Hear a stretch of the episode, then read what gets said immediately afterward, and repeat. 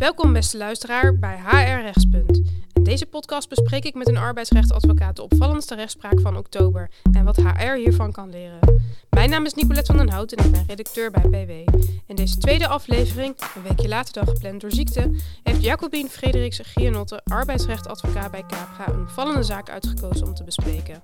Welkom Jacobien. Dankjewel. Welke rechtszaak heb je uitgekozen en wat speelde daar? Ik heb de uitspraak uitgekozen van de rechtbank Amsterdam van 3 oktober van dit jaar. En uh, de zaak draait om een medewerker met een alcoholverslaving die zich niet houdt aan de reïntegratieverplichtingen. En wat is er opvallend aan deze zaak? Waarom heb je deze gekozen? Uh, om verschillende redenen heb ik voor deze uitspraak gekozen. Uh, allereerst, als je de uitspraak leest, dan uh, lijkt die heel anders te zijn, althans de uitkomst, dan de uitspraak van de rechtbank Rotterdam van 18 augustus van dit jaar. Daar speelde eigenlijk nou, vergelijkbare problematiek. Ook een medewerker met alcoholverslaving.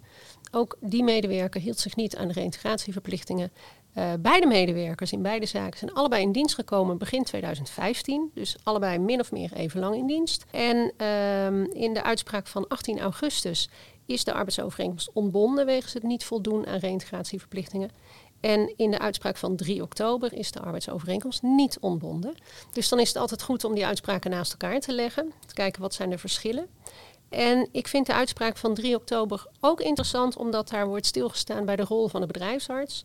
Of hij wel of niet het goede heeft gedaan in het kader van een verzuimbegeleiding. Nou, volgens de rechter heeft de bedrijfsarts niet het goede gedaan. En uh, dat wordt in feite de werkgever aangerekend. Uh, althans, dat wordt meegenomen bij het afwijzen van het ontbindingsverzoek. Dus dan is het ook goed om te kijken waar is dat misgegaan. En wat, waar zit het hem dan in? Waarom dus wel bij de een ontbonden en bij de ander niet? Ik denk, ik weet het niet helemaal zeker, want ik heb natuurlijk de achtergronden niet. Maar als je kijkt naar de uitspraak van 18 augustus, dan komt daar helemaal aan het einde komt aan de orde dat ter zitting is afgesproken dat de werkgever een transitievergoeding zal betalen. En mijn indruk is dat daar een ter zitting een regeling is getroffen, uh, al dan niet op de gang. En in de uitspraak van 3 oktober komt het allemaal niet naar voren. Uh, daar is volgens mij echt een situatie van een medewerker, die, werkgever die een ontbindingsverzoek indient en de rechter die daar uitspraak uh, over moet doen. En in de laatste zaak is de ontbinding afgewezen. Waarom? Volgens de kantonrechter heeft de medewerker niet aan de verplichtingen voldaan. De medewerker was heel vaak gewaarschuwd wegens het niet verschijnen bij de werkgever, het niet verschijnen bij de bedrijfsarts, het geen passende arbeid verrichten. Uh, en volgens de kantonrechter was de vraag: kan dat de medewerker worden, ja, worden verweten? En uiteindelijk komt de kantonrechter tot de conclusie dat het de medewerker niet verweten kan worden vanwege de alcoholverslaving. En je zei, hier heeft het bedrijfsarts een belangrijke rol gespeeld. Uh, hoe zit dat? Nou, als een medewerker arbeidsongeschikt is, dan is het natuurlijk um, belangrijk dat de bedrijfsarts daar advies over kan uitbrengen. Is er sprake van arbeidsongeschiktheid? Wat zijn de beperkingen? Uh, wat kan er wel in het kader van de reïntegratie? En de bedrijfsarts moet ja, zo nodig ook goed doorvragen bij de medewerker. Nou, in dit geval had de bedrijfsarts van de werkgever had volgens de kantonrechter niet goed genoeg doorgevraagd. En uh, waarom weten we dat? Omdat de werknemer in kwestie die had kennelijk twee banen.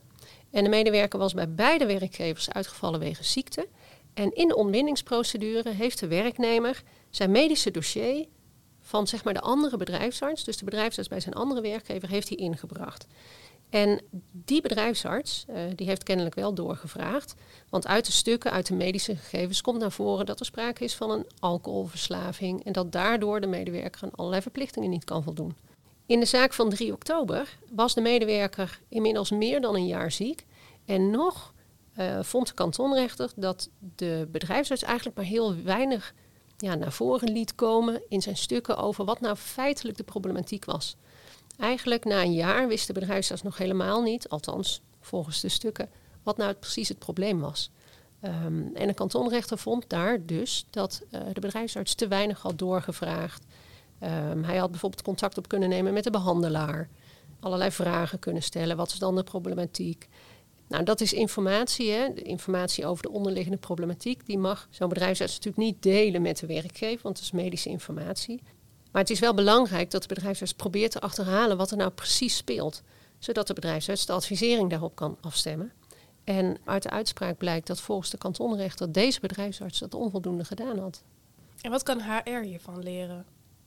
Nou, van de uitspraken in het algemeen een paar zaken wat mij betreft. Allereerst, als een medewerker ziek is en je weet of je hebt het vermoeden dat er sprake is van verslavingsproblematiek, of dat nou alcohol is of drugs of uh, gokverslaving, neem dan mee dat het zo zou kunnen zijn dat als de medewerker niet aan zijn verplichtingen voldoet, bijvoorbeeld niet verschijnt of niet reageert of niet naar afspraken gaat, dat dat zou kunnen komen door de verslaving. En als dat zo is, dan kun je dat gedrag niet altijd aan de medewerker verwijten. Dus als je dan alleen maar hele boze brieven gaat sturen en het loon gaat stopzetten en dergelijke, zoals de werkgever had gedaan in die uitspraak van 3 oktober, ja, dan doe je niet de juiste dingen. Want dan ben je alleen maar heel zakelijk en hard. Terwijl als het gaat om een verslaafde medewerker, uh, veel kantonrechters wel vinden dat de werkgever de medewerker juist moet ondersteunen. In afkicken en dat soort zaken. Dus ben alert daarop. En het tweede is, als een medewerker ziek is, en dit is meer in het algemeen, en je krijgt adviezen van een bedrijfsarts, kijk daar dan heel kritisch naar. Want in deze casus had ja, volgens de stukken de bedrijfsarts na een jaar dus nog niet goed de vingers achter wat er nou echt aan de hand was.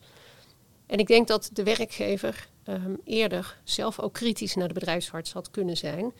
Als jij niet weet wat er precies speelt, uh, moet er misschien een, een, medische expertise plaatsvinden. Of misschien moet je contact opnemen met de behandelaar. Dus HR, eh, ben je ervan bewust dat je. Uh, de bedrijfsarts heeft natuurlijk zijn eigen expertise. maar daar kun je, vanuit je eigen expertise, kun je wel goed kijken naar die verzuimrapportages. en naar de advisering. En kijken of die, ja, of die voor jou goed te volgen is, begrijpelijk is. Um, en als jij denkt na een tijd van nou, we maken heel weinig voortgang, mag je best aan de bedrijfsarts vragen daarover stellen. Uh, wordt de medewerker adequaat behandeld, ja of nee? Dat soort zaken. Ja, ja want in die laatste uh, uitspraak is het de werkgever ook echt verweten en niet zozeer de bedrijfsarts zelf. Dus je, je houdt als werkgever echt die eindverantwoordelijkheid. Ja, kijk, je kunt hè, als, de, als de bedrijfsarts zijn of haar werk niet goed doet, ja, dan zou je als werkgever, zeg maar in die contractuele relatie, kun je de bedrijfsarts aanspreken.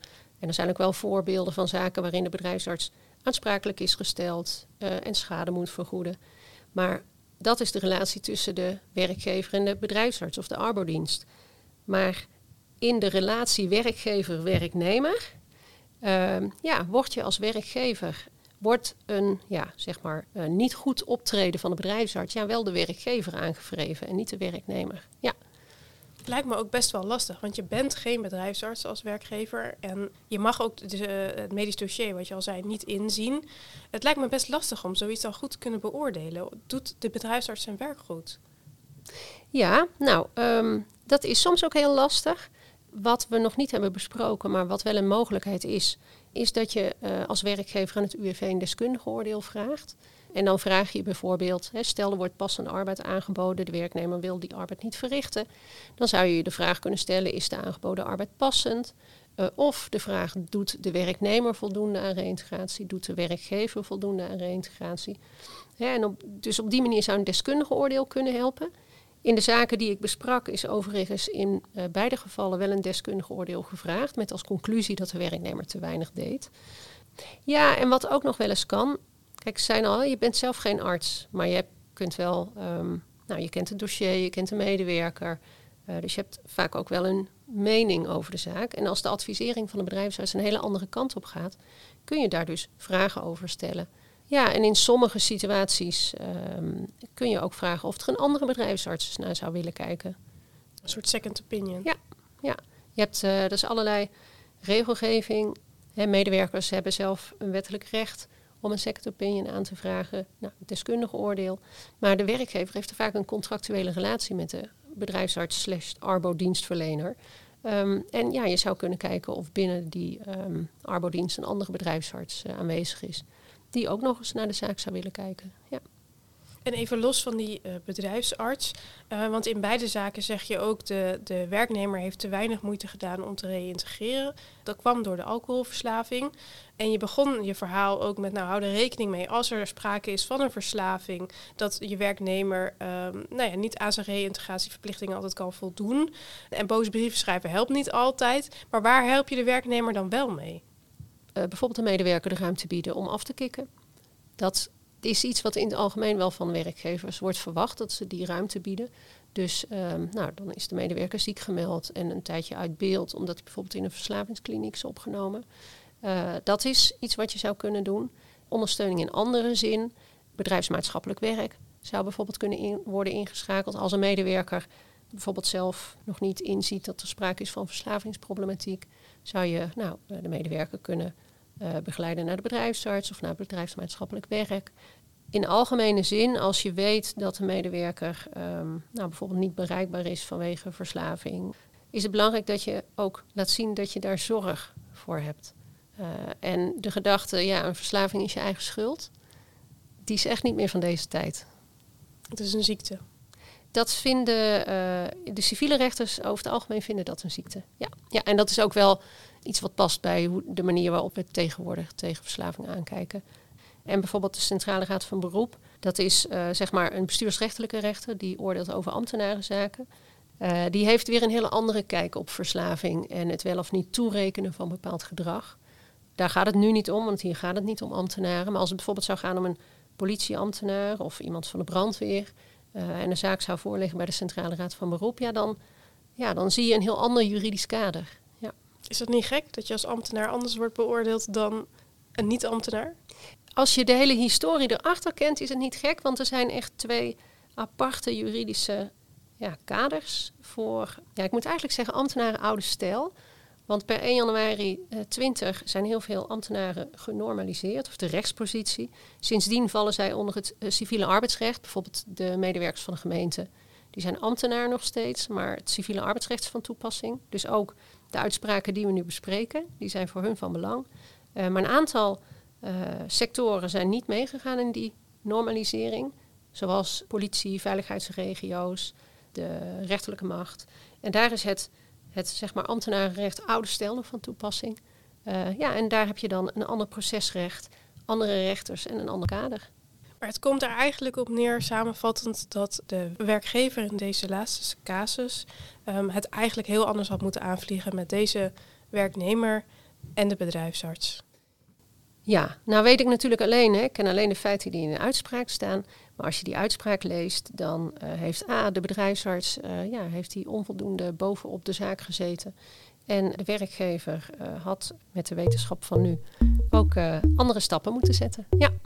Bedankt Jacobien voor deze duidingen en tips. Volgende maand weer een nieuwe aflevering, maar dan met arbeidsrechtadvocaat Pieter de Ruiter. Beluister ook onze eerdere podcast op bwnet.nl slash podcast. Vergeet ook geen beoordeling achter te laten op Spotify. Tot volgende maand.